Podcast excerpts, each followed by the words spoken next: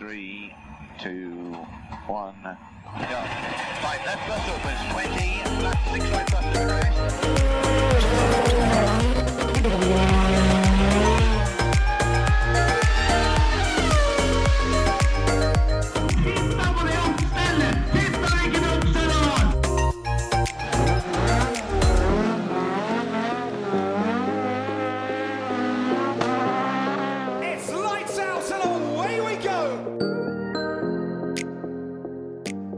Velkommen til en ny episode med Føremøte Greatest Hits. I dag så fortsetter vi rett og slett der vi slapp forrige uke, med en eh, helt overlegen historie fra Nils Wærstad. Og denne gangen så handler det om den gangen han, eh, han rett og slett skremte vannet av Anders Granheim. Åssen gikk dette rallyet til slutt? Det begynte på best tenkelig vis, fordi jeg fikk låne kartleseren til Nils Trondrud. Ehm, og han, er en, han var da en veldig ung og sympatisk gutt fra Hadeland. Og jeg skulle hente han, eh, for vi skulle fly over. Bilen gikk jo med båten. Vi skulle kjøre i Irland. The Donegal Harvest Rally. Og så eh, Han hadde jo sikkert eh, sett meg på TV og tenkte at dette skulle bli en interessant reise på et eller annet nivå, i hvert fall. Og så kjører vi innover mot Gardermoen. I, vi kommer fra Hønefoss-sida, da. Og da er det åtte rundkjøringer som du må kjøre gjennom, liksom, på sånn eh, Og så på den første rundkjøringa så satt jeg selvfølgelig og snakka i telefon. Og så la jeg hjulet opp på kanten. Men bare sånn så vidt det var en liten dunk, liksom. Ja. Men så registrerte jo jeg at uh, han eh, unge kartleseren, han, han snudde seg og så på meg, liksom. Og så tenkte jeg OK. Så på hver eneste rundkjøring så legger jeg forhjulet oppå kanten. og så til slutt så klarer han ikke å dy seg, ikke sant? Så han sier da, da er det noen sånn er det noen spesiell grunn til at du, du kjører opp på, opp på rundkjøringa? Så sier jeg ja, det skjønner jeg. Jeg har ikke dybdesyn. jeg eier ikke dybdesyn. Det kan være en, det kan være en meter, det kan være en halvmeter, det kan være ti centimeter. Jeg har ikke peiling, sier jeg. Og da visste jo han at vi skulle kjøre The Donegal Harvest Rally, som er et asfaltrally på irske veier som går bl.a. ut ved kysten og inn i landet. Og når du går ved kysten, så er det så smalt. Altså, alt er smalt. Og det er sånne steingjerder, og det er sånne, for, det er sånne forbikjøringslommer, ikke sant. Og det er liksom 200 meter ned til havet, og det er sånne ting. Så jeg hadde prima han godt for det rallyet, for å si det sånn. For han Og jeg glemte jo dette. Men det, ikke, det gjorde ikke han. Men Anders han huska dette, han skjønner. Så når vi da begynner å kjøre eh, Det begynte jo litt dårlig. Vi står på prøva på, på, eh, står på start på første prøve. Og så bare sitter jeg og kjenner litt på pedalen på bremsen. Og plutselig bare røsser den i bønn. Og blir liggende der. Og så åpner jeg døra, og så ser jeg bare det renner bremsevæske. Flott. Og så viser det seg det at jeg har jo bestilt noen bremser fra England. Eh, asfaltbremser til Cosworthen. Og så hadde vi jeg sikkert fått beskjed om det, men jeg hadde glemt å si det til, Det var jo annet Lysengen og Mats Øyeren som var eh, Mats Øyeren, sier jeg. Mats Løken, som var mekaniker for meg. Og så hadde jeg glemt å si ifra det at eh, det var visst sånn at disse skulle bare skrus til med fingra, de nipla. Ja. Eh, Du må ikke bruke makt for dem, for da bare kapper du kabelen. Og Lysengen hadde tighta fint, han. Ja, ja, ja. Så når jeg da gir press på det, så bare hopper hun. Og så er det jo da 1001 ute, ikke sant. Så, men dette er jo irer. Og de ser vi har prøvd, prøvd, de hopper ut av rallybilene sine. What's up, what's up, what's up? Og, og, det, og så kommer det ei med klemtang, ei spenntang, som han får dratt ut, og så har han da får han da satt og så låst den ene ved bremseslangen, og så heller han på bremsevæske, så jeg har bremser på høyre forhjul. Ikke noe bak og ikke noe mer. Høyre forhjul. Og så skal vi kjøre på de veia. Uten dybdesyn. Det er så gærent. Jeg ser for meg kartleseren. Han Å, hadde det ikke noe bedre. Herregud. Og han eh, og, og dette er siste rally i den der irske sesongen. Og folk kjører jo fa De skal ikke ha redskapen sin eh, mer, ikke sant? Den skal ha hele vinteren å skru på. Det ligger altså biler strødd gjennom steingjerder, over bruer. Altså, Det er, det er helt mayhem. Og så um, driver vi og kjører, og så uh, får vi nå kara oss til første service.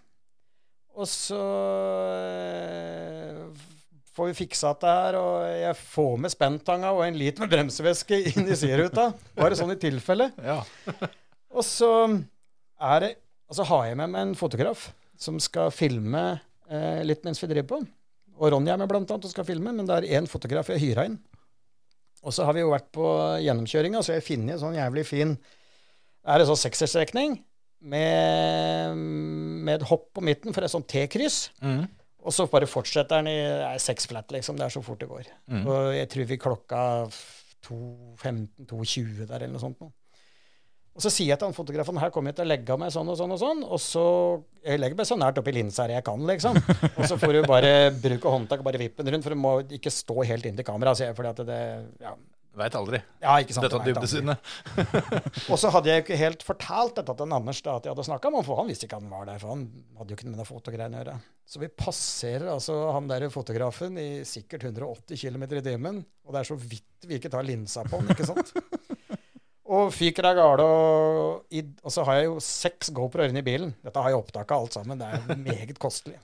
Og idet vi kommer i mål, så river han Anders av seg hjelmen og så har, har du blitt fullstendig idiot? Har du blitt Har det klikket for deg? Og så sier jeg, hva er det nå? sier jeg. Gikk jo fint, dette. Gikk fint. Du er jo klar over at du holdt på å drepe han fotografen? Du er klar over det?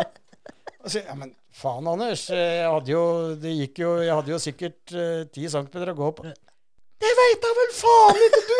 Du har da vel for faen ikke dybdesyn! Å gud, jeg måtte snakke den inn i bilen igjen. Men uten å avsløre at jeg hadde kødda, da, fordi det kunne jeg ikke gjøre. Nei. Så det gikk jo mange år før han skjønte at jeg hadde dybdesyn. Da. Det var ikke det at jeg var noe bedre sjåfør, men jeg hadde i hvert fall dybdesyn. Da hadde du ikke det å skylde på lenger. Altså, Verdens modigste mann. Ja, det ble vel ikke noe bedre når han på en måte hele tida hadde liksom Ja, ja, det gikk sånn, men det er jo ikke så rart. Han hadde jo ikke dybdesyn. Men så tok du bort den illusjonen. Ja, ja, Hva ja. faen var igjen da? oh, nei, nei, jeg måtte, jeg måtte det. Nei da, så det var, det var jævlig. bra jeg vant klassen. Ja, Ja. Klasseseier. for nordmenn. For nordmenn. Nei da, det var faktisk en, en ordentlig klasse. Det var kanskje ikke den mest kompetitive klassen, men det var Klasse er klasse. Klasse er klasse. Pokal er pokal. Det kan være skummelt å være kameramann på billøp, og det fant Thomas Bjørn ut da han var fotograf på Dokka, og Tom eh, Christian Lien kom hoppende over kuren. Jeg blei jo kjent med en eh, kameramann på Dokka når jeg skulle kjøre mm, Ja, jeg husker ikke det, det var kanskje B-finale eller om det var C-finale. De, eh, Det var nok C-finale, tenker jeg, for det var vel sikkert første finalen. Hadde vanna banen etter eh, tredje omgangen. Eh, litt skikkelig, så det var sånn ordentlig gjørme på grusen uh, tilbake igjen uh, der. Ja. Og så um, tok jeg vel starten da, og leda foran hele feltet, og, og går inn på grusen, og det er jo da null styring i en sånn litt slak høyre, høyresving. Og, og rett fram der er et sånt motocross-hopp, og på toppen der står det en fra TV Media og filmer. Han heter Thomas Bjørne. Han ble jeg kjent med da, for han, eh, han kikka jeg midt i øya, og, og, kan si, og jeg slapp ikke gassen. Så jeg eh, opp den bakken der han sto, og han klappa sammen kamera og, og hoppa to meter til sida. Eh, og jeg hoppa over det hoppet, da. Eh, slapp som sagt ikke gassen. Og ned igjen i banen. Eh, der kom han som var nummer to, og han skvatt så fælt at han, han bare skeina ut på indrebane. Jeg kan jo skjønne det. Men eh, jeg jo, klarte ikke å holde på ledelsen, så da, da ble det slutt i semifinalen. men, men bare det å jeg si, komme ut igjen i ledelse etter å ha hoppa på en motocross-hopp med en liten Starlet, bare Ja. det i seg sjøl er jo nok. Ja, det var jo sprøtt. Og det var jo liksom eh, Ja, du blir jo liksom helt eh, gira, vet du, så du glemmer alt annet. Men er, når, når du da skjønner at det her går gærent, du ser jo da det hoppet, er det da rein instinkt at det, vi må bare holde flatt og håpe Ja. at det der går fint? Ja, så motorsykler hopper jo der, så får jo gå med litt stallhet òg. Ja, det er nesten samme størrelsen, så. Ja. Ja. Nei, det, er, det er, mye, det er mye, mye tanker du får i huet når sånne ting skjer. Og det er veldig mye gærent som virker veldig fornuftig der og da. Så det, det har vært enda råere hvis du hadde lagt på et gir til på vei opp. Han måtte få tid til å flytte seg. Han fotografen. Ja, tross alt. Kan ikke kjøre Kan ikke drive og kjøre i hjel folk.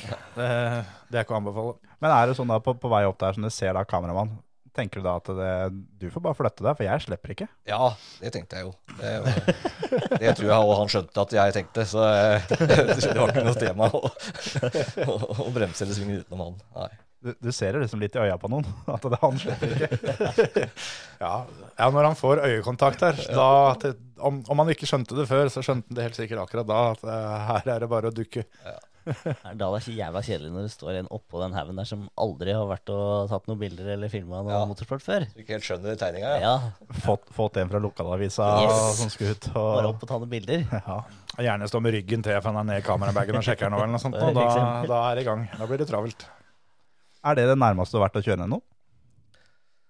Eh, sikkert ikke, hvis jeg tenker meg om så. Han er, han er tross alt bussjåfør, Ja, altså. nei, altså Da tenkte jeg på, på med kjøredress. ja, ja.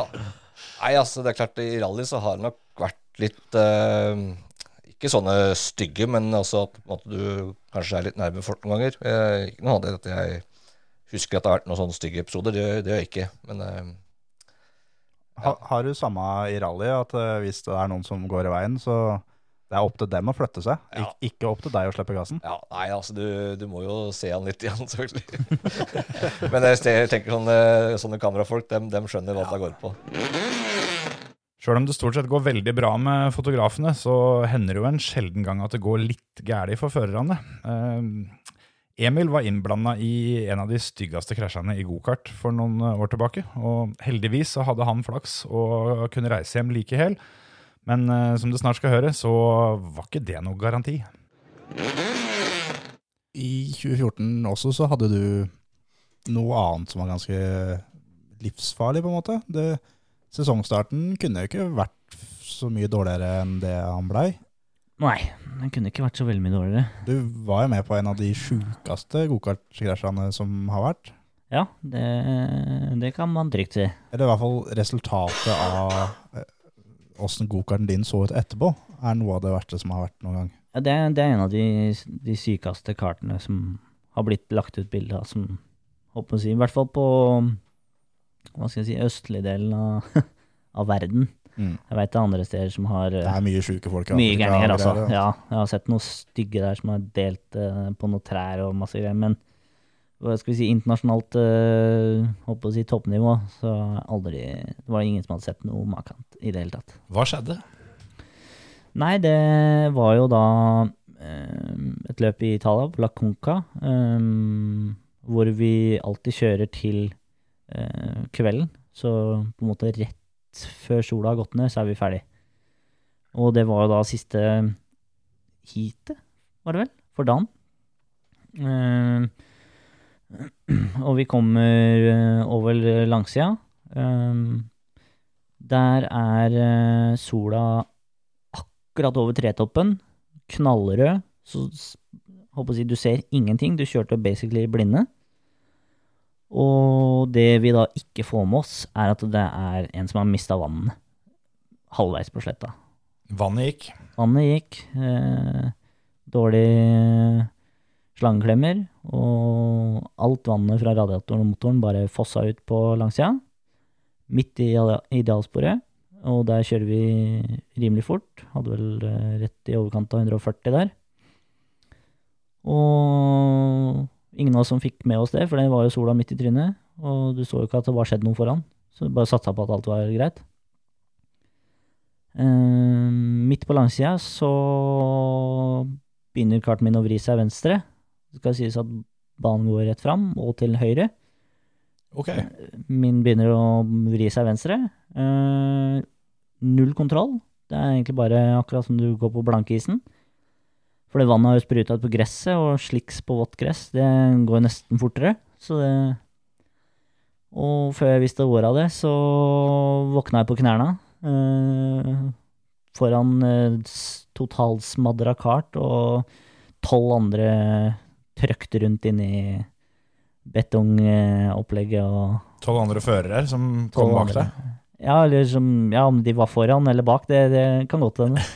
Så det var noen foran og noen bak. Men ja. Så Nei, da, så- i 140 km i timen, så bare reiste du rett i dekkstabelen, eller hva? Nei, for det, det kom jo midt på langsida, sånn at eh, det begynte jo den Hva skal jeg si den, Du har jo sånn safety-puter Mm. eh, foran safety-nettet. Men de putene begynte ikke så tidlig. Nei, for det er jo ingen som skal kjøre. Det, Det er ingen som kjører frem, midt på langsida, liksom, tenkte de da. Nei, nei, så kom Emil, da. Så. Så kom jeg jo da den mora. Så Nei, så da vi så på loggeren, da, så det var eh, Jeg traff første metallstolpen da i 140 låst i sjette gir. Så Men jeg traff den med, med ryggen først. Ja, det hørtes jo ikke så bra ut. Ja, men det var ikke så gærent. Det verste var at han sa det på en positiv måte. At, Ja, var det eh, jeg tenkte at uh, liksom, men eh, Jo, jo, men jeg traff den jo med Ja, men hvis du, 140 km, men heldigvis så traff jeg den med ryggen først, altså. Det skal sies at jeg hadde jo griseflaks, fordi det er jo stolper som holder nettet på plass. mm. De er riktignok eh, designa sånn at de går opp og skrått ut, så de har en knekk, sånn at nettet kommer foran stolpen. Det er Ja. ikke, stolpen er ikke i nettet. Men eh, jeg hadde da gått tvers imellom det første nettet, for det var ikke festa godt nok i bakken. For det hadde de ikke tenkt på. Nei, nei. Tenkte jo ikke at noen kunne banke på gjennom der. Så lenge vi har nett, så holder det. Ja, nett er fint. Så, det, så lenge du sitter i bakken, så er det greit. Men eh, traff da gjennom det. Traff første stolpen der sånn, med høyre side av eh, bakfangeren min. Men det på en måte, Jeg er veldig glad for at jeg traff den med ryggen først, fordi setet er skrått oppover bak. Så naturlig så datt jeg ut av karten bakover. Ja. Eh, sånn at eh, det, Hadde jeg vært andre vei, så ville magen ha sittet fast i rattet. Ja, ja, ja. Og da hadde jeg blitt med kart og alt inni hele dritten. Og så hadde sannsynligvis rattet blitt med deg i noen år. Ja, det kan godt hende at jeg hadde hatt det som en sånn liten suvenir inni her ennå. Men eh, Noen har utlagt tarm, du hadde hatt utlagt ratt. Yes. Innlagt ratt, faktisk. innlagt Nei, så da jeg var jo heldig, da. Så jeg traff akkurat ikke stolpen, da. Så jeg traff inni nettet og forsvant inni der og svima bare av rein G-kreft. eh, Ja, fy faen. Eller G-kraft. Så du- Du hadde Altså, det her foregikk på den omtrent eh, eneste måten hvor du som hadde det scenarioet hvor at du gikk på egne bein eh, og la deg om kvelden? mest sannsynlig, ja. Så eh, For du kunne daua der. Ja, han kunne jo helt sikkert gjort det. Altså, huet først i metallstolpe i 140, så det lover jo ikke godt selv om du har på deg en hjelm. Da.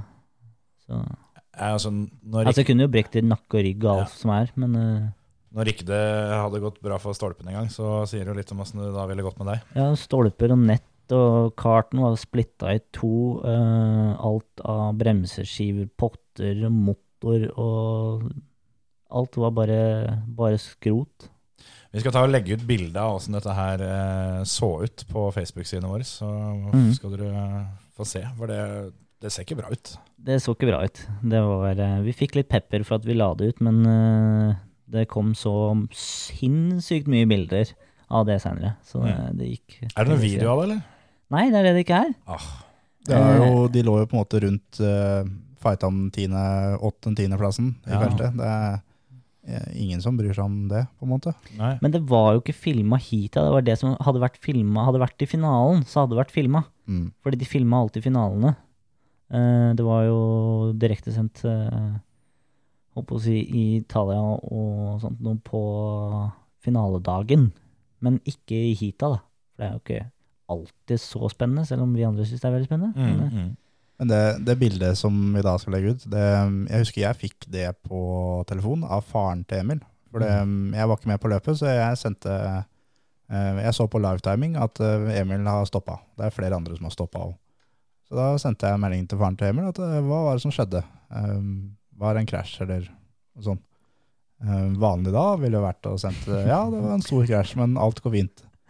Faren til Emil derimot, han sendte kun bilde av da en kart som er delt i to, og det er totalt knust. Ser ut som har gått gjennom makuleringsmaskin, rett og slett. Ja, rett og slett. Og det, er, det ser sånn ut at det, den som sitter oppi der, den overlever ikke.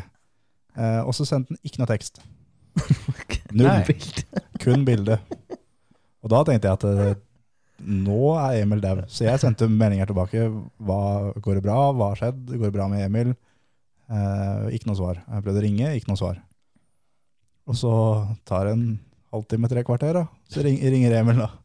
For det, går det bra, liksom? Ja, ja, det går fint. Ikke noe problem. Flott, flott.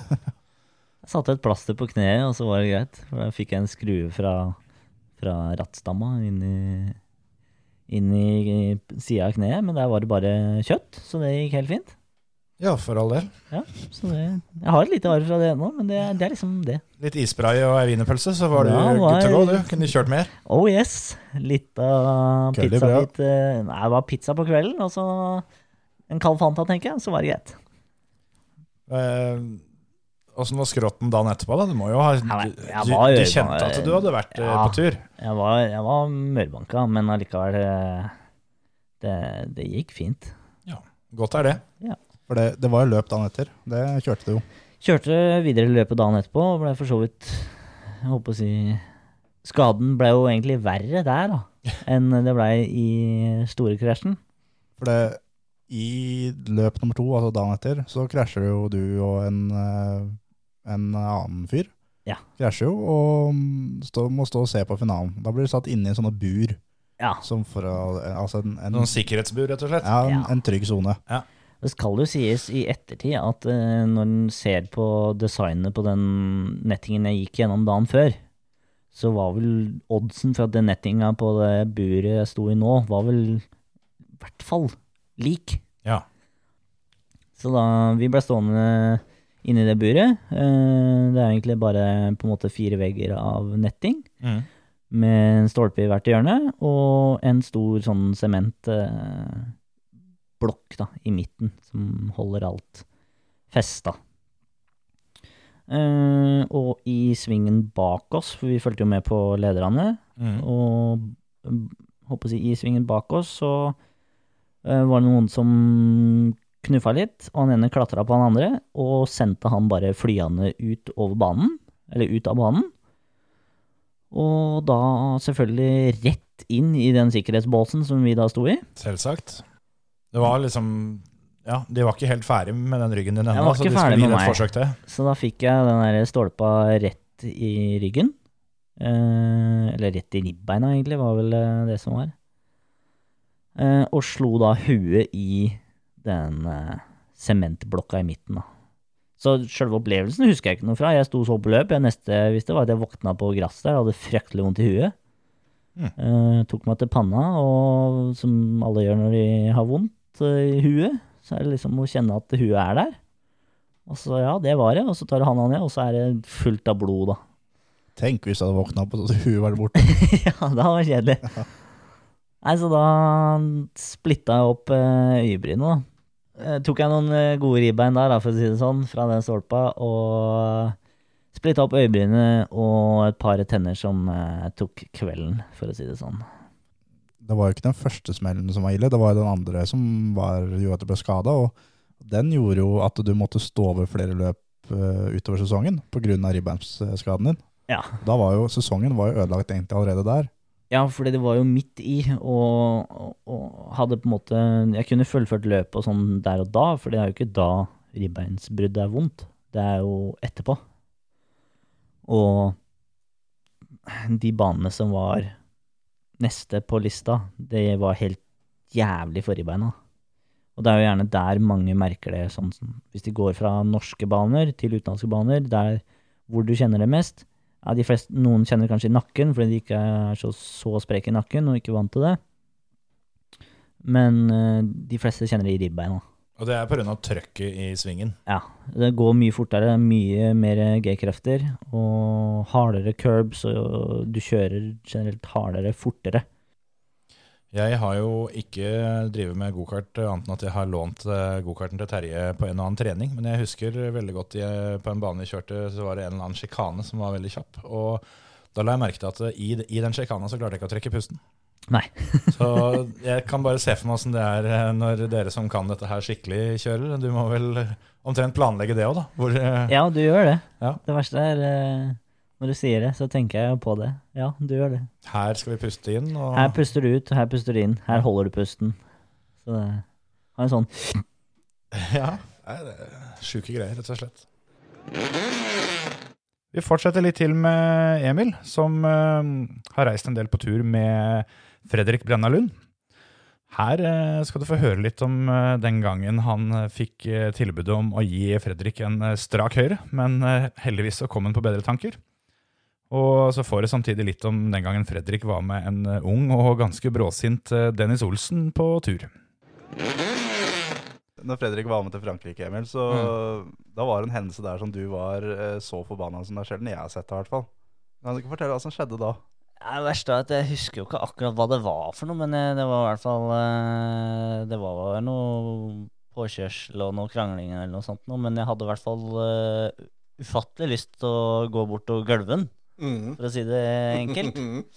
Men eh, da fikk jeg beskjed om å, om å slå deg isteden. Mye bedre? Og jeg trodde du kødda de første sekundene.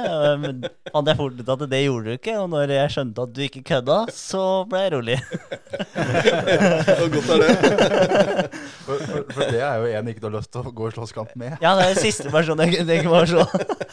Det, er hyggelig å høre. Ja. Fortsatt. ikke, ikke bare fordi det er ålreit, men jeg hadde fått grisebank òg. Det skal du ikke se bort fra, Emil.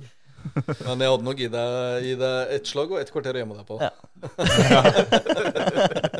Hadde løpt fort i et kvarter, altså. Ja, men Nei, men Det er greit å få ut aggresjon. Ja. Uh, og det, det er mange ganger jeg må ta tak i utøvere som er uh, sinte og, og sure. og Jeg husker spesielt med, med Dennis Olsen første gang jeg var med han. Da var han jo tolv år.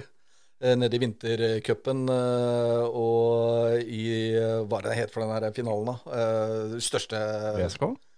Ja, VSK vinterfinalen, eller vinter... Jeg husker, husker ikke hva det heter. Men det er liksom bare Det er vel bare han og Haugern har vel vunnet, han òg, tror jeg. Og så er det jo uh, Stenshornet nå, da. Martinus. Så vi har jo tre nordmenn som har vunnet det løpet. Men det er liksom det største på, som er uh, sesongstart, egentlig. Mm. Men uh, da fikk jeg klar beskjed av uh, pappaen til Dennis at eh, han har temperament.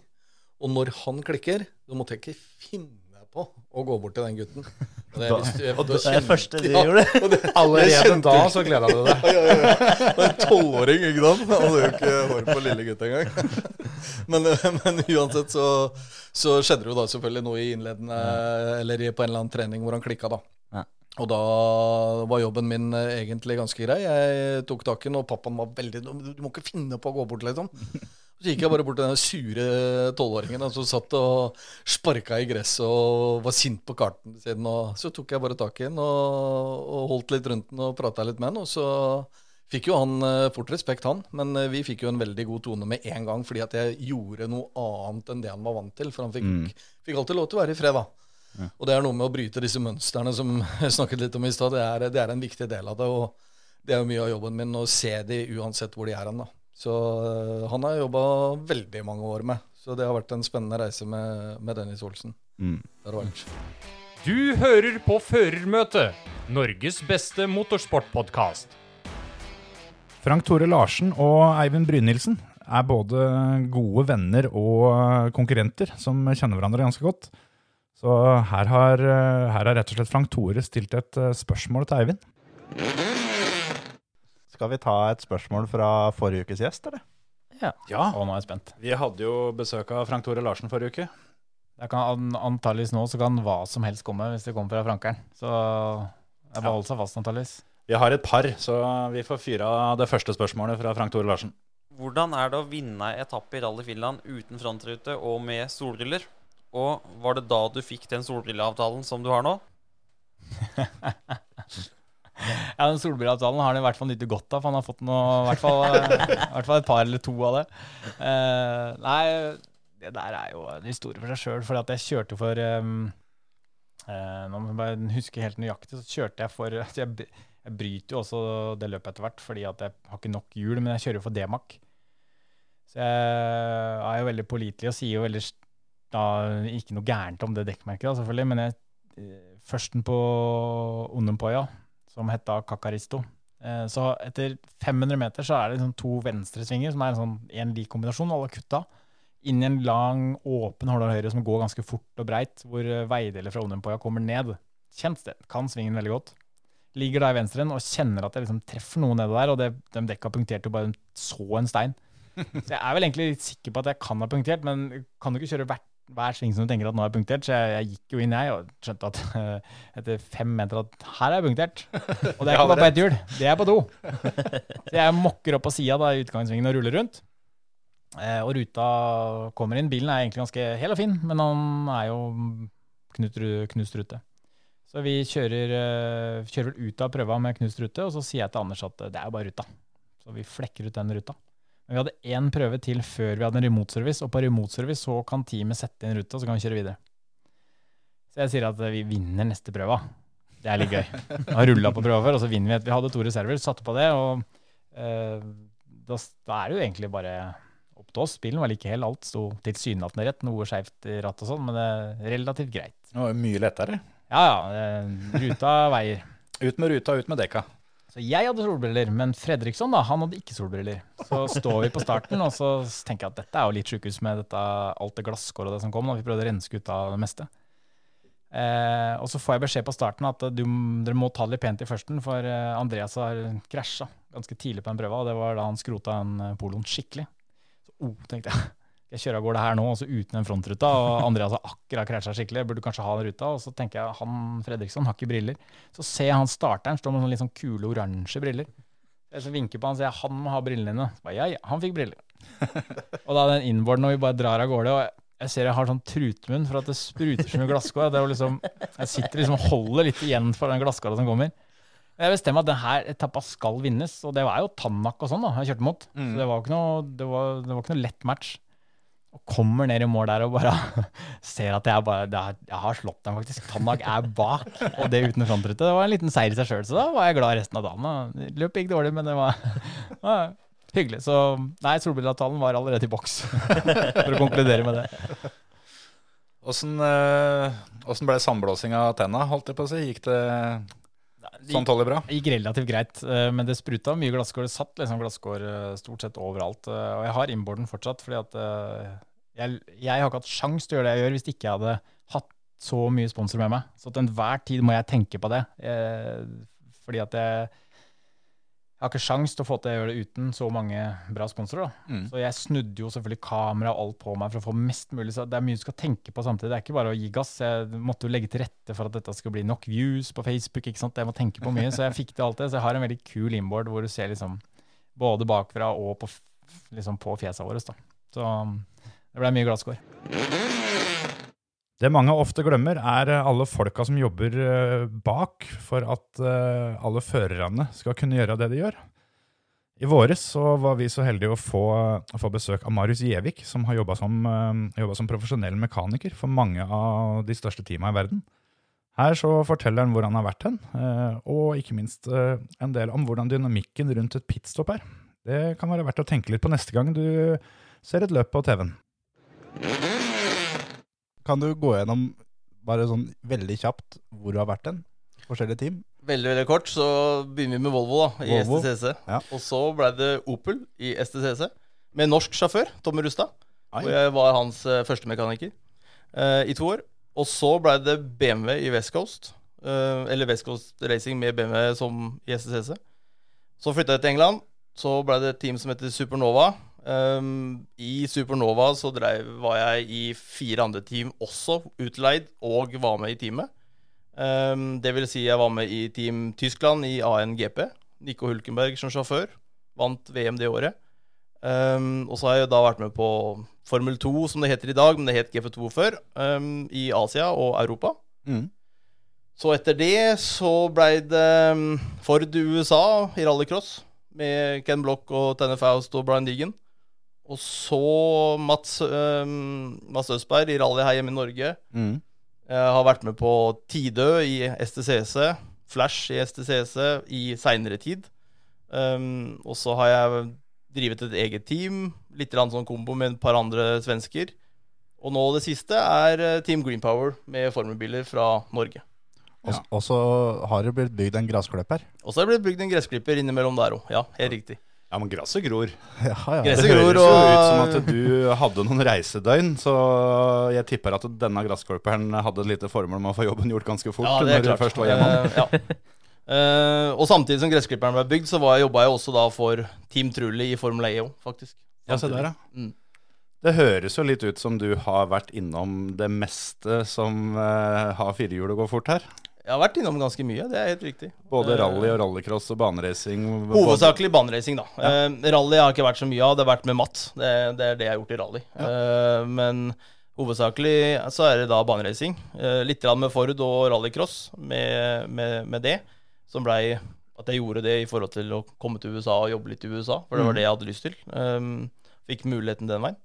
Men hovedsakelig så har det vært baneracing, og det er det jeg helt klart brenner for i forhold til eh, motorsport, eller bilsport, så er det baneracing. En ting som jeg lurer på, hva er forskjellen på førstemekaniker og en vannmekaniker? Eh, det er graderinger og ansvars, hva du gjør og hvilket ansvar man har. Førstemekanikeren, han vasker ikke gulvet først. Mm, nei, det, det er klart, men han skal også vaske gulvet. Det, det er ikke noe sånn at det, du ikke skal gjøre møkkajobb. Mm. Eh, Det, det er det ikke. Uh, men det er litt for graderinger. Du har, no, da da, Om du går på mekanikersiden, så har du sjefmekaniker. Han er ansvaret for alt rundt i teamet på det mekaniske. Det tekniske siden. Mm. Det vil si at når man driver da flere enn én biler, man har to biler, tre biler, fire biler, så har man en sjefmekaniker som overser alle mekanikerne, som da går gjennom det tekniske med førstemekanikerne per bil. Mm. Førstemekaniker er på én bil, og du har ansvaret for den bilen, og det mekaniske som skjer kun på den bilen. Mm. Og så har du da andre, og tredje og fjerde mekaniker etter det igjen. Uh, og det er graderinger på hvem som gjør hva. Og det, det er alltid førstemekanikeren sitt ansvar for at det teknisk er i orden på én bil. Ja. Mens sjefmekanikeren skal jo ha oversikt Teamet, over liksom. hele teamets mekaniske side. da. Ja. Så det er på en måte ditt ansvar hvis den bilen bryter sammen, på en Ja. måte. Selv om du ikke har gjort jobben, så er det ditt ansvar. Ja. Og du, må opp, du har da ansvaret for å se at jobben blir gjort. Av han som skal gjøre det, eller selv. Mm. Det er litt av et uh, opplegg, altså. Det, jeg har jo uh, hørt noen historier av andre som uh, har vært i teamet til Petter Solberg f.eks., og sånne ting, da, som, som da har ansvaret for på en måte venstre forhjul på denne, Mm. Denne bilen. Og er det et eller annet som går med girkassa, så er det noen andre som tar seg av det. Mens eh, de har spesifikke deler av bilen. Da, det, Sånn er det jo. Sånn, sånn vil det også være i, i de fleste team som, som jobber med dette profesjonelt, er jo at du har de forskjellige områdene. Mm. Uh, som du som regel ser, da, så er det jo han som henger over enten sjåføren som mekanisk side, eller i et motorrom. Mm. Fremre delen av bilen. Mm. Han er som regel Eller på en formbil, altså er det bakre delen av bilen. For det er jo om um, Så er det han som er som regel er den som har ansvaret for bilen. Uh, Men du har jo fortsatt en andremekaniker som driver et hjulhus. Ja, han jobber bare der. Men det spørs hvilket team han er i. Men, men det er liksom sånn at man, man har ansvar for ting, selv om man kan gjøre andre ting òg. Mm. Hvor mye er det førstemekanikeren eh, er involvert når det gjelder på en måte oppsettet på bilen og den, den delen der? Hvor, hvor mye kan dere påvirke bilens ytelse? Du påvirker ingenting i forhold til hva som er bestemt av en sjåfør og en ingeniør. Ja, for dere får deler som skal på bilen? Og, Nei, og deler er feil liksom. å si. Vi, vi får et uh, papirark Ja. eller en dataskit, eller spørs hvordan man jobber. Om man jobber med, med dette online uh, i forhold til ja, men I store team, Formel 1, Baba, sånne ting, så har man jo ikke ark. Det er jo ulovlig. Uh, da må man ha datamaskiner som sier hva ting skal være. Men man får et papirark som sier at her er innstillingen på bilen, og så er det din oppgave å få de innstillingene på bilen. Ja. Ut ifra det det står på arket. Ja. Mm. Gjøre som man får beskjed om, rett og slett. ja. Ja. Og gjennomføre at det blir gjort. Mm. Uh, ja, har man litt innsett inn, litt uh, mellom øra, for å si sånn, og du syns at dette er helt feil, så, så sier du jo fra. Ja. Men, uh, og det er flere ganger man må spørre faen, er dette her rett? Eh, skal vi ha fem grader camber der? Eh, stemmer det, liksom? Og da må man, fordi, fordi at man er våken på den oppgaven man gjør, Ja. at dette her, dette her virker ikke rett. Det er jo helt annet enn det vi har gjort før. Ja, altså, også kanskje i forhold til Ja. en del andre ting som du får beskjed om. Og da, og, og da går man jo tilbake til ingeniøren og sier at hallo, øh, stemmer dette? Og så vil du gjerne vite hvorfor det stemmer, eller bare ja, det stemmer. Mm. Uh, eller nei, det var feil. Det kan også skje, så klart. Mm. Uh, og da må man gå gjennom det. Men det er din oppgave å få gjennomført at uh, bilen har de innstillingene når bilen skal ut på banen. Ja, men du kan ikke bare si at deg, men eh, det var litt mye camber her, så vi bare skrur ned litt, vi, og så Nei. ser hvordan det går. Nei. Da, da blir alle verdier feil. Eh, det, er en, det er alltid en grunn til hvorfor ingeniøren har kommet opp med den oppgaven at den skal se sånn ut. Mm.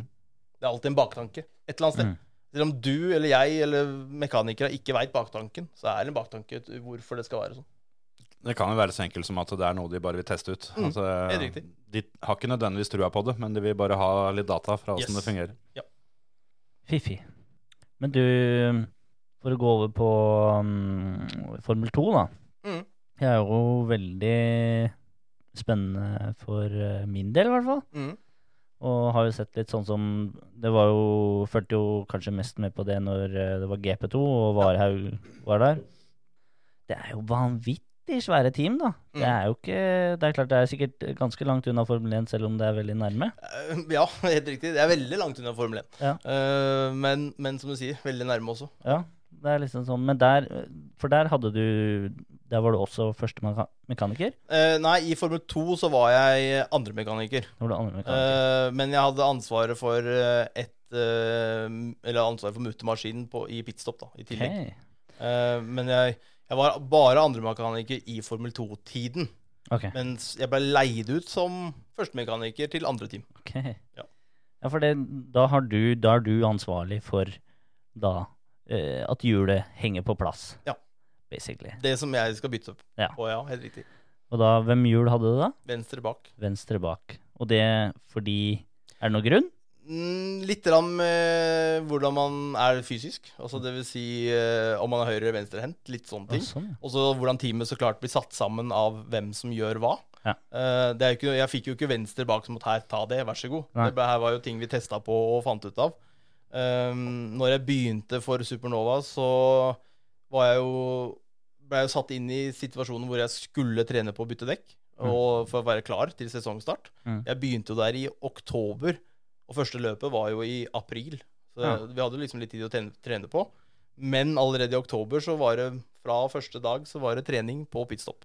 Ok. For å løse og finne ut av gåtene på hvordan Hvor passer jeg best inn i teamet, da? Sånn, ja. Er jeg på mutemaskin, eller skal jeg stå på en dekk, eller skal jeg stå med lollipopen? Altså, hvor passer jeg inn? Lol lollipopen? Lollipopen, ja. Det vil si den Nå i Formel 1 har ikke lollipop lenger, da, men, men man har en lollipop som sier at stopp, klar, kjør.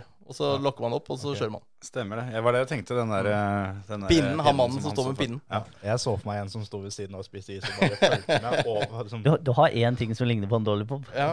Jo, det er sant. I dag så bruker man ikke lollipop, da. I dag bruker man lys. Ja. Mm. Det Men det er fortsatt en mann som står med den bryteren og Ja. sier grønt eller rødt. Har de backup, tror dere? Ja, garantert backup, ja. Ja. Så det kommer en ut og firer i gang? Det er rått å være tredje sånn uh, lysmann. Nei, men uh, hvor eh, Hvis du skulle tippe, da, hvor mange timer trening dere hadde på pitstop uh, fra oktober til Altfor mange. Uh, jeg trente sånn ca. 30 til, til 40 minutter. Det, det vi gjorde, da, var at vi hadde en, eh, en bottle, altså en eh, dykkertube, i forhold Ja. til at man må ha trykkluft for dette. Um, og den fylte man opp mens man jobba på Ja. dagen. Fylte den opp så at den var klar til pitstop-trening klokka tre. Ok. Så pitstop-trening klokka tre, så var pitstop-trening til den var tom. Ja. Og det var hver dag. Hver dag. Og det var en halvtime til 40 minutter hver dag. Det I, uh, I et halvt år. Og da, da, går det på det å finne tiendedeler, hundredeler. Ja, det, I starten så handler det om å finne ut hvor du er, hva du skal gjøre, posisjon, sånn og sånn. Mm. Men etter hvert tiendedeler. Og gjerne gjøre feil. Gjøre masse feil. Så feila ikke kommer når du kommer til løp. Og det, det vil si fra alt fra å ødelegge muttermaskiner til å ødelegge hjulbolter til Det spiller ingen rolle. Feila skal oppnå på test, Mm. og ikke på løp. Har du vært borti noen grove feil på løp, da? Eh, ja, det kan man jo si. Eh, Hva er det verste? verste er den gangen hvor vi mista hjulet når bilen kjørte ut. Ja, det Ja. er det verste. Okay.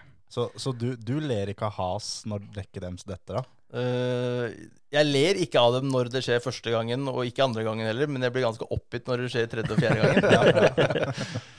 Ja, Det, det andre spørsmålet jeg hadde, var jo sånn som i tilfellet med has, da, hvor, Mm. det, hvor det bare ikke skjer én gang, og det skjer to ganger. Hvor, um, hvor hard er den kjennepreken eh, man får? Får man kjenneprek, eller er det bare sånn 'dette her skjønner du sjøl at du har driti deg ut'? Ja, men akkurat i det tilfellet så vil jeg jo påstå å si at eh, det er ikke han mekanikeren sin feil. Nei. Det, der er en annen som skal få kjeft. Ok. Og det er han som har konstruert den, eh, den, den mutter'n og det Ja, navet. ja. Og det Eh, høres jo litt sånn ut. Ja, men det er det jo. Ja. Det er jo på, påvist eh, feil. Å ja. Eh, hvor det er en eh, Hvor materialet utvider seg annerledes enn hva de tenkte at det skulle gjøre i forhold til varme. Ok. Og det her har jo med klaring, klareringer å gjøre på mutter og, og nav, Mm. og at dette, at dette ikke skal skjære seg Ja. når man gjør pitstop. Ja. Og har man da kalkulert det feil i forhold til temperatur, så kan sånn skje. Og det var det som skjedde to ganger, da, eller fire ganger til slutt. Men jeg, jeg må jo se for meg at uh, et sånt pitstop, det må være et jævla rush. Det må være jævla kult. Det, du husker ingenting. Det er det første. Det er et adrenalinkick så det ljomer etter. Du blir helt uh, satt ut. Det Hjertet dunker, og du veit ingenting. Du er, har jo da på deg hjelm, utstyr, alt mulig. Du er inni din egen boble. Og så går du og gjør det du har trent på i halvt år, et år, hele tiden. Det går du ut og gjør, og så går du tilbake igjen. Og når du da setter deg ned etterpå, så bare Ja, det gikk bra, eller gikk det dårlig? Fordi mellom der så veit du ikke. Det, er, det går helt sømløst av seg sjøl. Så klart, det er alltid de løpa som det går dårlig, du husker. Men jeg skjønner jo hvorfor dere trener så vanvittig mye på det, da, når det er så ekstremt at du ikke husker etterpå. Så, Ja, ja, ja. så må jo dette her eh, rett og slett være innprenta i muskelminnet, da, at, det, at ting går av seg sjøl. For det, du har ikke tid til å begynne å tenke deg om. bare Var det lefty righter eh, Ja, nei, det, eller var det skal, dette skal gå helt av seg sjøl, og, og det, du skal være så sikker på at du kan gjennomføre arbeidsoppgaven din uten å nøle eh, hele tiden. Og det viste seg jo i forhold til den tiden når jeg var med på i Supernova, så vi var jo det teamet alle visste at kom bilen dems inn før vår, så var vår først ut. Ja. Og det visste de. Så enkelt var det bare. Ja. Eh, og, og når vi hadde det ryktet på oss i pitten i depotet, så er jo det bra for oss. Og vi Mm. føler at det var liksom Da har vi oppnådd det vi vil. Det er jo et psykisk overtak, det. Ja, ja, ja, kjempe. Og, men så hadde vi da interne konkurranser hele tiden òg, om å gjøre å være raskest i, internt. Ja, for det tenkte jeg på. Hvor beinhard er konkurransen opp Og- mot den andre bilen i teamet? Nei, ikke andre bilen, for det, vi, det- gjør samme, vi gjør samme bil. De, de andre hjula. De andre hjula, ja. Helt Aha, riktig. de går helt de andre der, hjula. For det blir jo Eh, sånn. Kappløp rundt, ikke sant? Ja. Og øh, første året tapte jeg alle. Så enkelt er det. ja. Mens andre året så hadde jeg øh, Og en- endte jo opp av Jeg tror det ble eh, en prosentsats, så tror jeg det ble 60-40. Ja. Eh, og så blei det bedre og bedre for min del. Det blei det jo. Eh, jeg har ikke klart å vinne alle en gang. Det har jeg ikke gjort. Er det sånn når du bytter om fra sommerhjul til vinterhjul da nå, at du savner den der Nei. Nei. Det er ikke det nå. Ik ikke der. Det er noe, da har jeg ikke noe adrenalin. Nei, for jeg tenkte litt på det når du, når du bytter om til, om til sommerskoa, at uh, du syns jo i utgangspunktet sikkert det er like det kjipt som alle oss andre. Ja, er men riktig. er det sånn når du kommer til venstre bak, altså er dere litt ekstra kompiser? Det er liksom ditt hjul. Skulle ønske, skulle ønske det. skulle ønske det, helt klart. Du har vel skifta noen venstre bakhjul da, opp gjennom uh, de siste åra? Ja, det kan man trygt si. Det er vel kun guttene på dekksenteret som, uh, som kan matche deg der. Konkurrerer. Det er ikke sikkert de har eh, like mange engang. Nei, antakeligvis ikke. jeg tror ikke det. Nei, hvis du har gjort dette Nei, jeg gjør det som jeg sier da Jeg gjør det en halvtime til 40 minutter hver dag. Og det var jo bare i startfasen. Ja, Og så ja. blei det jo videre utover også. Så klart, Da blir det jo reisedøgn, og vi reiser på løp og, og sånt til tillegg. Men så fort vi har mulighet til å trene, da er det å trene. For å ha det, Det skal være sømløst. Og vi gjør det jo på løp òg. Det er Mm. jo, da, da har vi jo ikke en rigg, da har vi jo bilen der. Da gjør vi bilen, og så ruller vi den inn og trener, og alle gjør seg klar, og alle er med. Og ja. Det er trening. Det er mye trening på pitstop. Fordi du kan ikke Du kan tape ekstremt mye i pitten. Mm. Og det er eneste stedet du i hvert fall kan styre det litt mer, da. Om du taper eller ikke taper.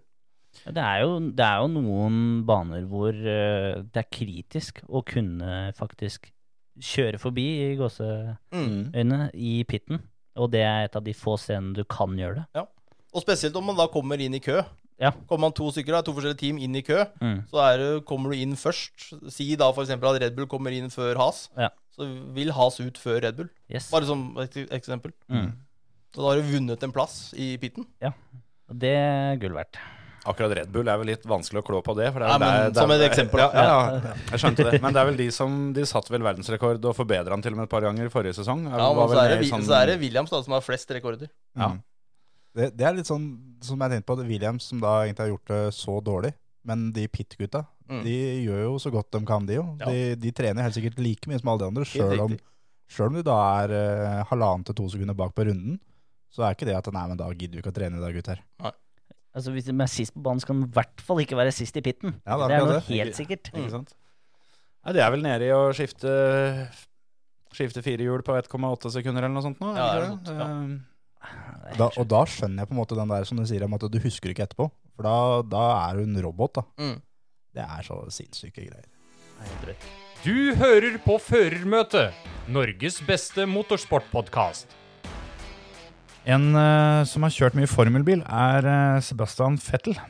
Og um, da, da han eh, en gang tidlig i karrieren kom til Olav, faren til Emil, for å spørre om en tjeneste, så blei en ganske legendarisk vandrehistorie skapt. Men Stian Paulsen klarte faktisk å toppe den historien da han var på besøk hos oss. Så her får du begge de to. Jeg vet faren din han uh, har lånt bort noe til Sebastian Vettel. Som han, uh, han kan vel ikke nevne Alle som driver med gokart, veit vel om det snart. Ja, jeg tror det. Hvis ikke du har fått det med deg ennå, så har du ikke vært i gokartbransjen så lenge. Få høre. Nei, det, han lånte jo bort en eh, luftmåler, da. Til uh, Fettel. Vettel skulle sjekke lufta i hjula sine, så da var Emil og Olav de som sto nærmest. Så um, Det er jo helt naturlig. altså sånn, Hvem Ja, som helst andre ville jo bare spurt den som er ved siden av hverandre. Så, men for oss så var det jo selvfølgelig spesielt at det var Sebastian Vettel. Da. Men eh, på det tidspunktet visste dere hvem han var da? liksom? Ja, for da kjørte han Formel BMW. Mm. eh, så han var bare å, å holdt kjøreferdighetene i gang, egentlig. Men det er ikke noe tvil om at denne historien har blitt enda bedre med tida. Yes, sir. Den har blitt uh, bare bedre og bedre jo større legende han har blitt, egentlig. den, den luftmåleren, den lever enda. Den, Den har han, eh, og tar den den vare på så det virkelig uh, synger, og det er Jeg trodde dere ikke fikk den igjen, at det liksom var storyen. At, Nei, nei, nei. At, at Fettel rappa en Å nei, nei, En luftmåler. Nei, han, han lånte den. Og Han det, når Olav da er på gokart innimellom og sjekker lufta i karten til Emil, så passer han på å få sagt det til alle som står rundt. Den uh, luftmåleren her, den lånte Vettel en gang. Ja, Og så er ferdig med det. ok. Ja ja, men da Artig. Det er litt stas. Du snakka om lufttrykksmåleren din, vet du. Ja, Til faren din. ja. Jeg slår av, vet du. Gjør du det? Ja. Få høre. Jeg vinner. Har du enda mer kjent luftmåler? Yes. Å, fy faen. Fordi at uh, samme teamet som du kjørte for, Mm. KSN Det er KSM det heter nå. M nå, Ja, ikke sant? nå heter det det. KSN den gangen. det, heter det. Når jeg slutt, vi hadde jo vegamåler, vet du. Ja, det var det det var her Det var Vega-måler til fare, ikke sant? Ja, ja, ja. Så jeg, jeg faderen hadde sånn vegamåler som han kjøpte når kjørte gokart. Så når jeg begynte å kjøre bil, og så et, etter ferdig med polocup i Tyskland i to år, så kjørte da starta jeg etter polocupen. Det var sånn der da alle kom til løp da med polocup. Da stilte alle på likt inn, og Volkswagen som drifta bilene. Så du kom jo på løp, og så kjørte du var alt rigga. Det var de to første åra av min bilkarriere Mm. i Tyskland. Det var sammen med DTM faktisk, og Grom 10. I hvert fall da når de to årene var ferdig, så kjøpte jeg Renault Clio, da jeg starta å drive mitt eget team. Så- Da begynte jeg å kjøre i Belgia, og da kjørte jeg innom Kerpen på en av de løpene, for jeg hadde ikke noe lufttrykksmåler, så jeg fikk jo ikke låne den av faderen, for den var hans Ja, til det gokartkassa, ja. ikke Ja, sant. ja. Mm. Så ville jeg ha meg en sånn sjøl, for den var supernøyaktig, ikke sant, ta lufta i dekka med. Mhm. Så kjører jeg innom eh, KSN, da. Snakker med Thomas der, jeg hadde ikke snakka med ham på mange år, gutta der, jeg, da. Så det var kult å se dem med noe sånt. og så spør jeg meg sånn Vegamål du selger meg, da. Hadde de ikke flere, vet du. Hadde ikke flere, men så sier han Thomas Men uh, den her kan du ta, for den uh, den, uh, den tok Michael Schumacher ut forrige helg, så den er brukt på ja, én er helg. Så den står det faktisk MS på, med tusj. Er det greit du kjøper den brukte, eller? sa han, vet du. Jeg bare Ja, ja, det går, går fint, det. I Faen, du er på vei inn, så vi bare gir han den nye neste gang. Ja. Så jeg har faktisk lufttrykksmåleren til Mikael Schumacher liggende på jobben. Ja, nå kommer far til å bli forbanna her om det. Ja. Vi hadde jo da den, oppsi, teamfest for teamet vårt i gokart i går, Mm. Og da ble det Derfor er det ser sliten ut i dag. Mm. Og den uh, luftmåleren ble jeg skrytt ganske mye av den kvelden nå. Vi det? Fant ut det at den må være verdens mest kjente, for vi har ikke hørt om noen andre. Men nå har vi jo det, da. Ja, nå har du Han blei faktisk toppa der, gitt. Jeg gjorde det. Ja, altså. Jeg lo, lo, lo litt sjøl da jeg hørte det i bilen, så jeg tenkte skal jeg dra den historien der, så jeg trykker det litt ned på den. Ja, den er bra. Luftmålere de brukes også i bilcross, men, eh, men bilcrossen har noe ingen eh, andre grener har, nemlig budsystemet. Det mm, fortalte Stian Armestad litt om da han var på besøk. Så bilcross er jo egentlig Jeg vil jo kalle det uh, en hvermannssport. Folkerace er et veldig bra navn fra Sverige. Mm.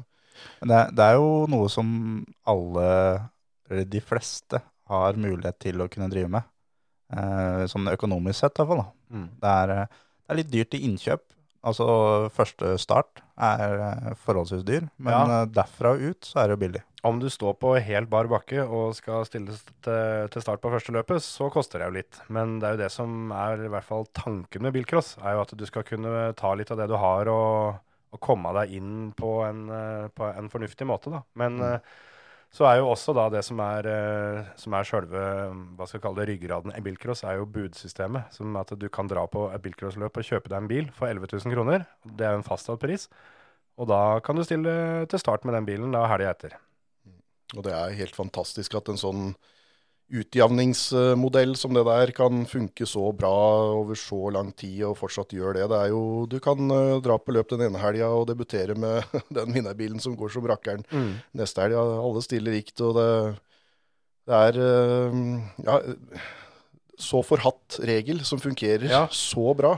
Det er vel ingen regler som har vært mer omdiskuterte og debatterte, antageligvis, enn budregelen i bilcross. Nei, og pris og løsninger og antall og Mm. Men så funker det så bra. Eh, Det er klart eh, alle har meninger og sånn, men eh, i bånn og grunn så er jo bi bilcross er jo avhengig av budregelen. Og Mm. budregelen har gjort at det er folkesporten over alle i motorsporten. Og, og det er det er fantastisk at det, at det at, ja, alle kan, alle kan bare handle, vi stiller på klin lik linje Mm. når, når budrunden kommer. Kan du ikke forklare litt det, og hvordan buda fungerer, for de som da ikke har vært på bilcrossløp noen gang, og syns det her med at eh, bud, hva er det, liksom? Etter eh, hvert løp så er alle, alle biler på salg. salg. Enten du vil eller ikke. Ja, Det er jo helt fantastisk. Da er de til salgs for er det ikke 11 000 nå? Ja. Pluss et gebyr per bud du legger inn. Og så er det så sirlig ordna at eh, inntekten går til klubben av de gebyra. Og de 11 000 dem får, eh, får du i handa for den bilen du har stilt til starte, Så har du lagt eh, 50 000 i den, så er det ditt tap. Og så er det en glad fyr du bare kan gratulere med ny bil, som får den på bud. Og så er det trekking, da. Det er ikke, det, bud er jo litt sånn eh, misvisende. Det, eh, virker jo som om du kan lodd. by. Det er jo bare det er en fast pris. Og, Det er loddtrekning. Og loddtrekning hvis det er flere som er interessert. Du kan kjøpe så mange lodd du vil på egentlig så mange biler du vil, men det koster jo da en avgift per, per lodd. Og så hvis det da kommer inn uh, mer enn uh, en, uh, ett lodd, eller, eller flere, flere som har kjøpt lodd på samme bil, så blir det bare rett og slett eh, en trekning. Ja. Manuell trekking. Ja. Til min store irritasjon. Jeg syns det er på tide å få det digitalt. Men eh, det kan vi snakke om en annen gang. Ja.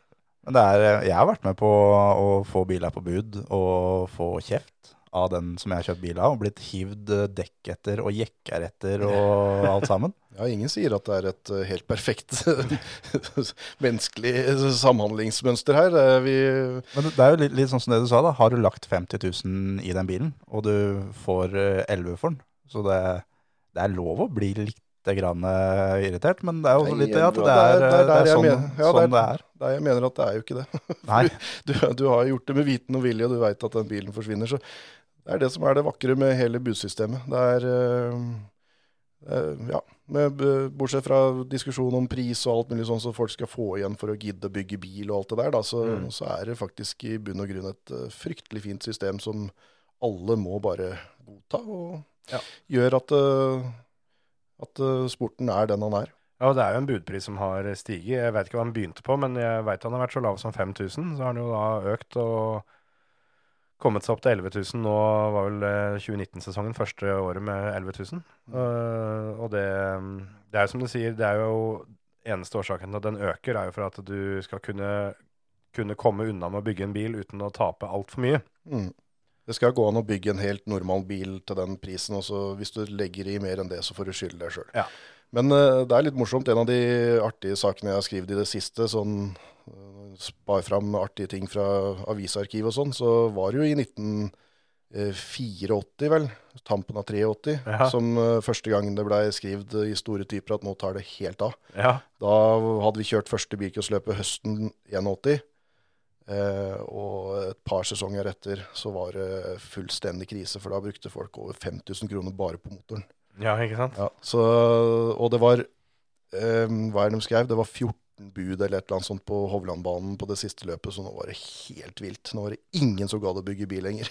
Nå, nå er det kaos, liksom. Nå er det kaos. Nå, dette er slutten på, på, på, på bilcross allerede bare et par, da, par år etter at de uh, starta opp. Så de derre det er jo fordel for oss som har vært med ei stund, da, at eh, vi ser at det samme går igjen for alle som opplever å bli frakjørt av en eller annen verstingbil til enhver tid. At eh, nå tar det helt av. For Det- hver eneste nye bit som kommer inn i disse bilene, om det er eh, ja, gamle utrangerte rallycrosskasser som skal være det råeste som fins, og så henger det nesten ikke sammen. Det er det bilcross er, da. Ja, Ja, akkurat det der, der er jo noe som det stadig er prat om, at uh, nå er det trimma så fælt at det, det her tar helt av.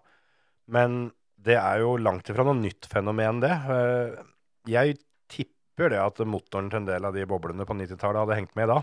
Ja, ja. Og jeg, uten å nevne navn, så jeg vokste opp uh, i et en bilcrossgarasje, jeg, med, med hele nabolaget og halve slekta som drev med dette her. Jeg husker jo fra jeg var liten at eh, det var noen som hadde solgt eh, både kjøleskap og salong, liksom, for å få råd til akkurat Mm. det de drev og skrudde på.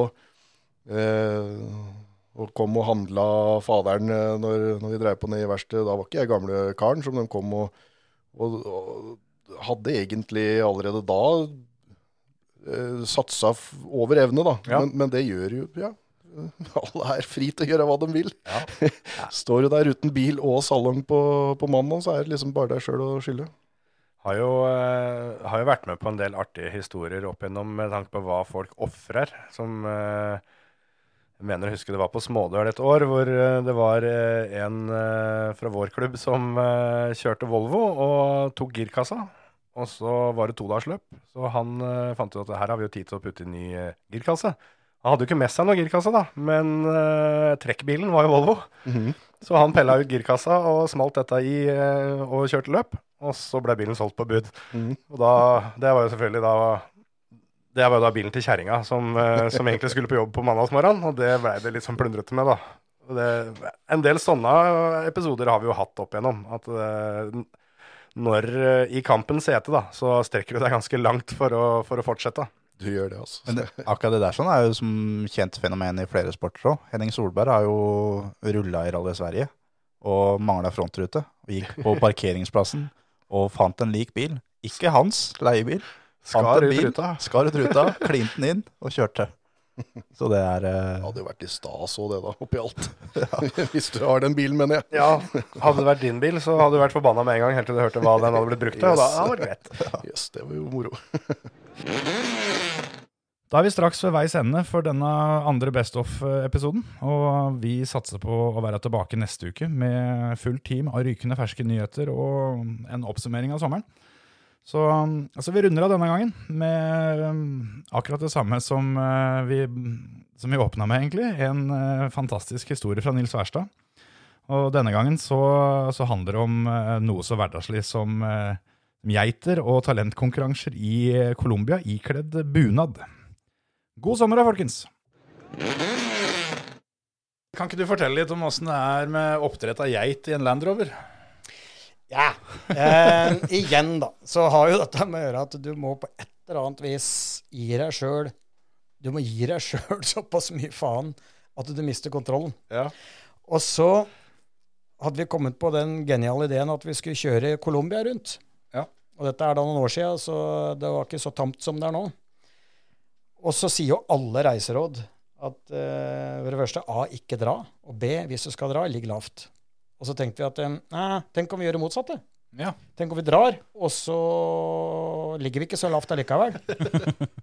det eneste gangen jeg har sittet på fly i bunad Vi hadde ikke med oss andre klær enn bunad. Fordi vi visste at hvis vi hadde med oss andre klær, så kunne vi bli frista til å skifte. Ja, for jeg tenkte på det at hva om dere kommer frem og finner ut at ja, så hadde de rett. Ja, da hadde jeg ikke sittet her, da, for å si det sånn. Så det er, men igjen, jeg tar jo veldig sjelden feil. Jeg tok feil en gang i 75. Det, etterpå har det vært tvil om det faktisk var feil, så jeg har ofte rett. Så det, igjen så gikk dette ganske bra. Men det var helt fantastisk. Vi kjøpte en gammel Land Rover som eh, var 50 år gammel. Gikk på en blanding av gass og bensin med en sånn hendel, men den stod alltid sånn midt imellom, så han gjorde jo 30 km i timen på flatmark. Ja.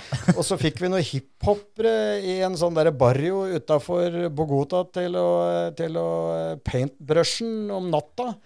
I en slags uh, tolkning av colombiansk rosemaling. Så den bilen den kjente du igjen, for å si det sånn. Og så hadde vi jo ropert på taket med mikrofon, så vi kunne rope etter folk som snakka engelsk. Når vi kjørte hjem landsbyer og sånn. Og så tenkte vi at ok, nå har vi bunad. Med sånn brokadevester og hosebånd og hvite strømper og hatt og det hele. Vi har en bil som ser ut som han er laga på tivoli. Hva annet? Og det var da vi kom på den geniale ideen at hvis vi tar med oss ei geit, og har den i baksetet, og den ikke er, for å si det akkurat husvant, så vil jo det by på enkelte problemer som vi bare må løse. Og første natta så kjørte vi inn i en ganske ålreit by, og så ser vi et hotell som ja, vi kan overnatte her, liksom. Og så kan du tenke deg at du nå er han som står bak resepsjonen. og så kommer det to utlendinger. Tenk deg nå at du står på, du, du står på Sundvolden hotell utafor Hønefoss.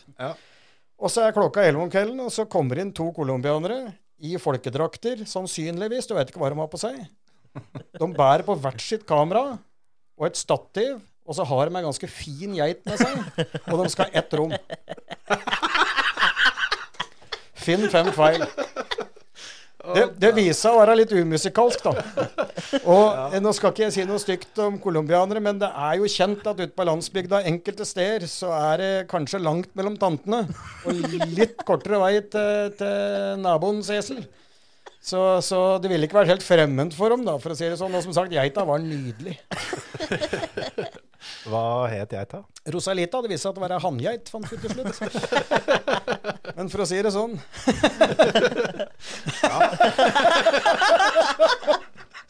Oi, oi, oi. Look, no teeth.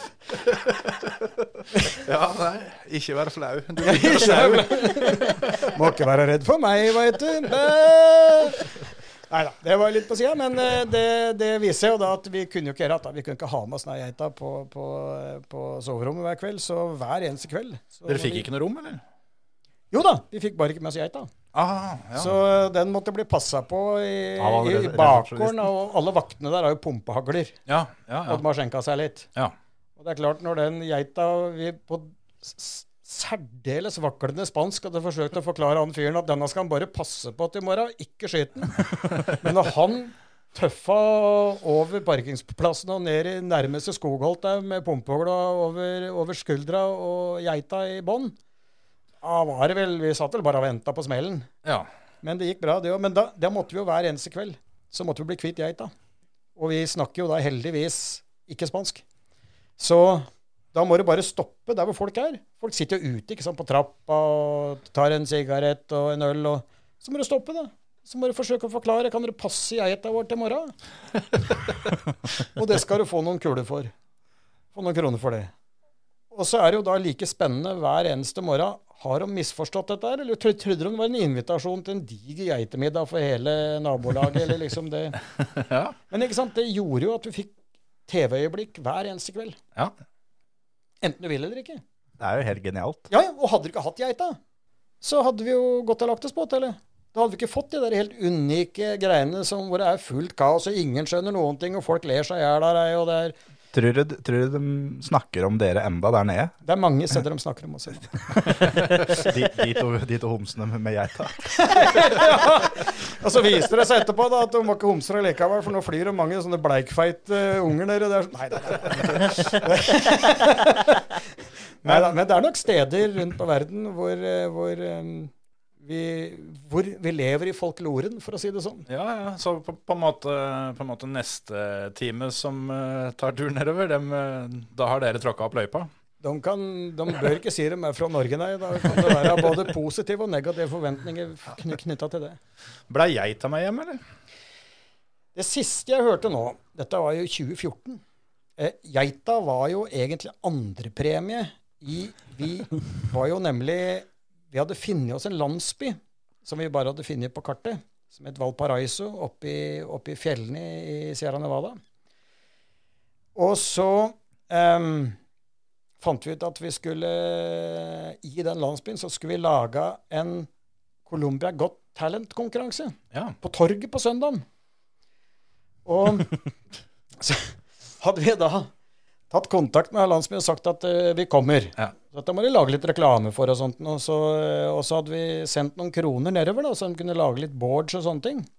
Og så viste det seg at det de hadde gjort, blant annet, da, de betalte en fyr som satt på et muldyr med en ropert og rei rundt i byen og, og annonserte høyt at neste søndag så kommer de verdensberømte TV-stjernene Nils, eh, Nils Yroni de Television de Noruega. Og, var, og presten hadde nevnt dette tre ganger fra talerstolen, at nå, nå var øyeblikket der. Nå liksom. sitter han, liksom. Ja, men altså, tenk! Her kommer det folk fra Europa for å filme. Og så hadde vi jo da vært invitert på en sånn derre fest enda lenger opp i fjella natta før. Og vi hadde kjøpt en gris som ble eti opp, og det var, det var, det var hasardspill, og det var eh, bart brennevin, og det var Og vi våkna opp på en sånn fjellgård der. Og vi var så, vi var så helt eventyrlig fyllesyke. Eller vi var vel fortsatt ganske gode på den, tenker jeg. Det var høyden. Og så Det var, var høydesyke, var det vi var. En av de hadde ligget i høyde- og hotelltrening på Plaza flere der før jeg skulle opp dit. Og så går det opp for oss at eh, ja, men om tre timer så skal vi stå på det landsbytorget nedi der og avholde Colombia Got Talent i 40 varmegrader i bunad, og vi aner ingenting om det kommer én eller to eller tre. Og vi veit jo det at colombianere er verdens hyggeligste folk. Inntil et punkt. og hvis de føler at de blir kødda litt med, så kan det hende det blir litt ugreit. Og dette er jo ikke folk som er fremmede for å flå et menneske levende. Det skjedde bl.a. på nabogården der vi, der vi lå og sov. Hadde det skjedd for tre uker siden. Et sånt kartell som hadde vært der og tatt en gamling og, floff, og liksom flådd den og hengt opp skinnet hans på, på, på, på, veggen. Eh, og det gjorde at kanskje frokosten fikk en litt sånn mindre idyllisk glød der vi satt, liksom. At det var tre uker siden. Og, men uansett, da, så, så vi var litt engstelige når vi kom ned der, og vi fikk ordna Så var det noen som hadde et PA-anlegg, og vi, vi hadde jo med oss banner hjemmefra og sånn, da. Og så hadde vi jo geita som var en premie. og så var det treapremien var tre kalkuner. Og så var det sigaretter til alle unga. Og så var det førstepremien var en helvete svær gris. Som vi hadde fått kjøpt et sånn der rosa bånd og binde rundt magen på. Men den grisen skjønte at den skulle dø, så han var ikke så samarbeidsvillig. Nei. Så uansett, da, så sitter vi nå der, og så er det en som sier til oss der at det er sikkert lurt å ha med en politimann i juryen. Jaha. Og det skjønner alle hvorfor, for da er det, hvis du da skal skyte juryen, så er i hvert fall han bevæpna. Ja, ja, ja. Da kan juryen Ja, ja. skyte tilbake igjen, ja. Og så begynner det å komme folk, da melder seg på, og til slutt så er det altså da over 40 forskjellige acts. Og noen av actsa har over 40 medlemmer. Da er det svære Janitsjar-band som, har- som har gått over fjella fra fire landsbyer unna for hørt om dette her, da. Og da hadde jeg puls. Du sitter i sola i solsterken, det lukter ferskt brennevin av deg. Og du sitter der, og det begynner å komme folk. De kommer jo fra, jo fra omliggende strøk. alltid. Det står jo 2000 stykker ute på dette jævla torget. Og det resiteres dikt, og det danses, og det er skuespill, og det er gitar. Og det var en som kom, han hadde en tam hund som som, som, som kunne kunster. Og han fikk det til å sitte og rulle rundt en gang, og så stakk bikkja av. og, så, og så ser du bare mannen løper ut av mengden som ler seg i hjel, mens han roper på bikkja si. Og så det siste vi så til han. Han kom ikke på førsteplass. Men han som da kom på annenplass, han leste noe dikt og greier, da, visstnok veldig fint ifølge politimannen. Men grunnen til at han Han var nok egentlig på fjerde, men vi hadde jo forsikra oss om at han var en dyrevenn. Jaha. Så han hadde litt sånn under bordet lovt oss at nei, han skulle ikke ete geita. Og så var vi i Colombia igjen nå i desember. Var det en måned. Og da forteller han som vi er hos, han har da eh, svigerinna si bor i den lille landsbyen. Han sier at den dag i dag, altså seks år etterpå, så har han der, han er en baker, han har den geita ennå. Og på søndager så får folk komme inn og klappe den mot penger. Dæven. At han betalt for at han skal kunne klappe TV-geita! Det er så absurd. Å, hvor verden tar inn, altså.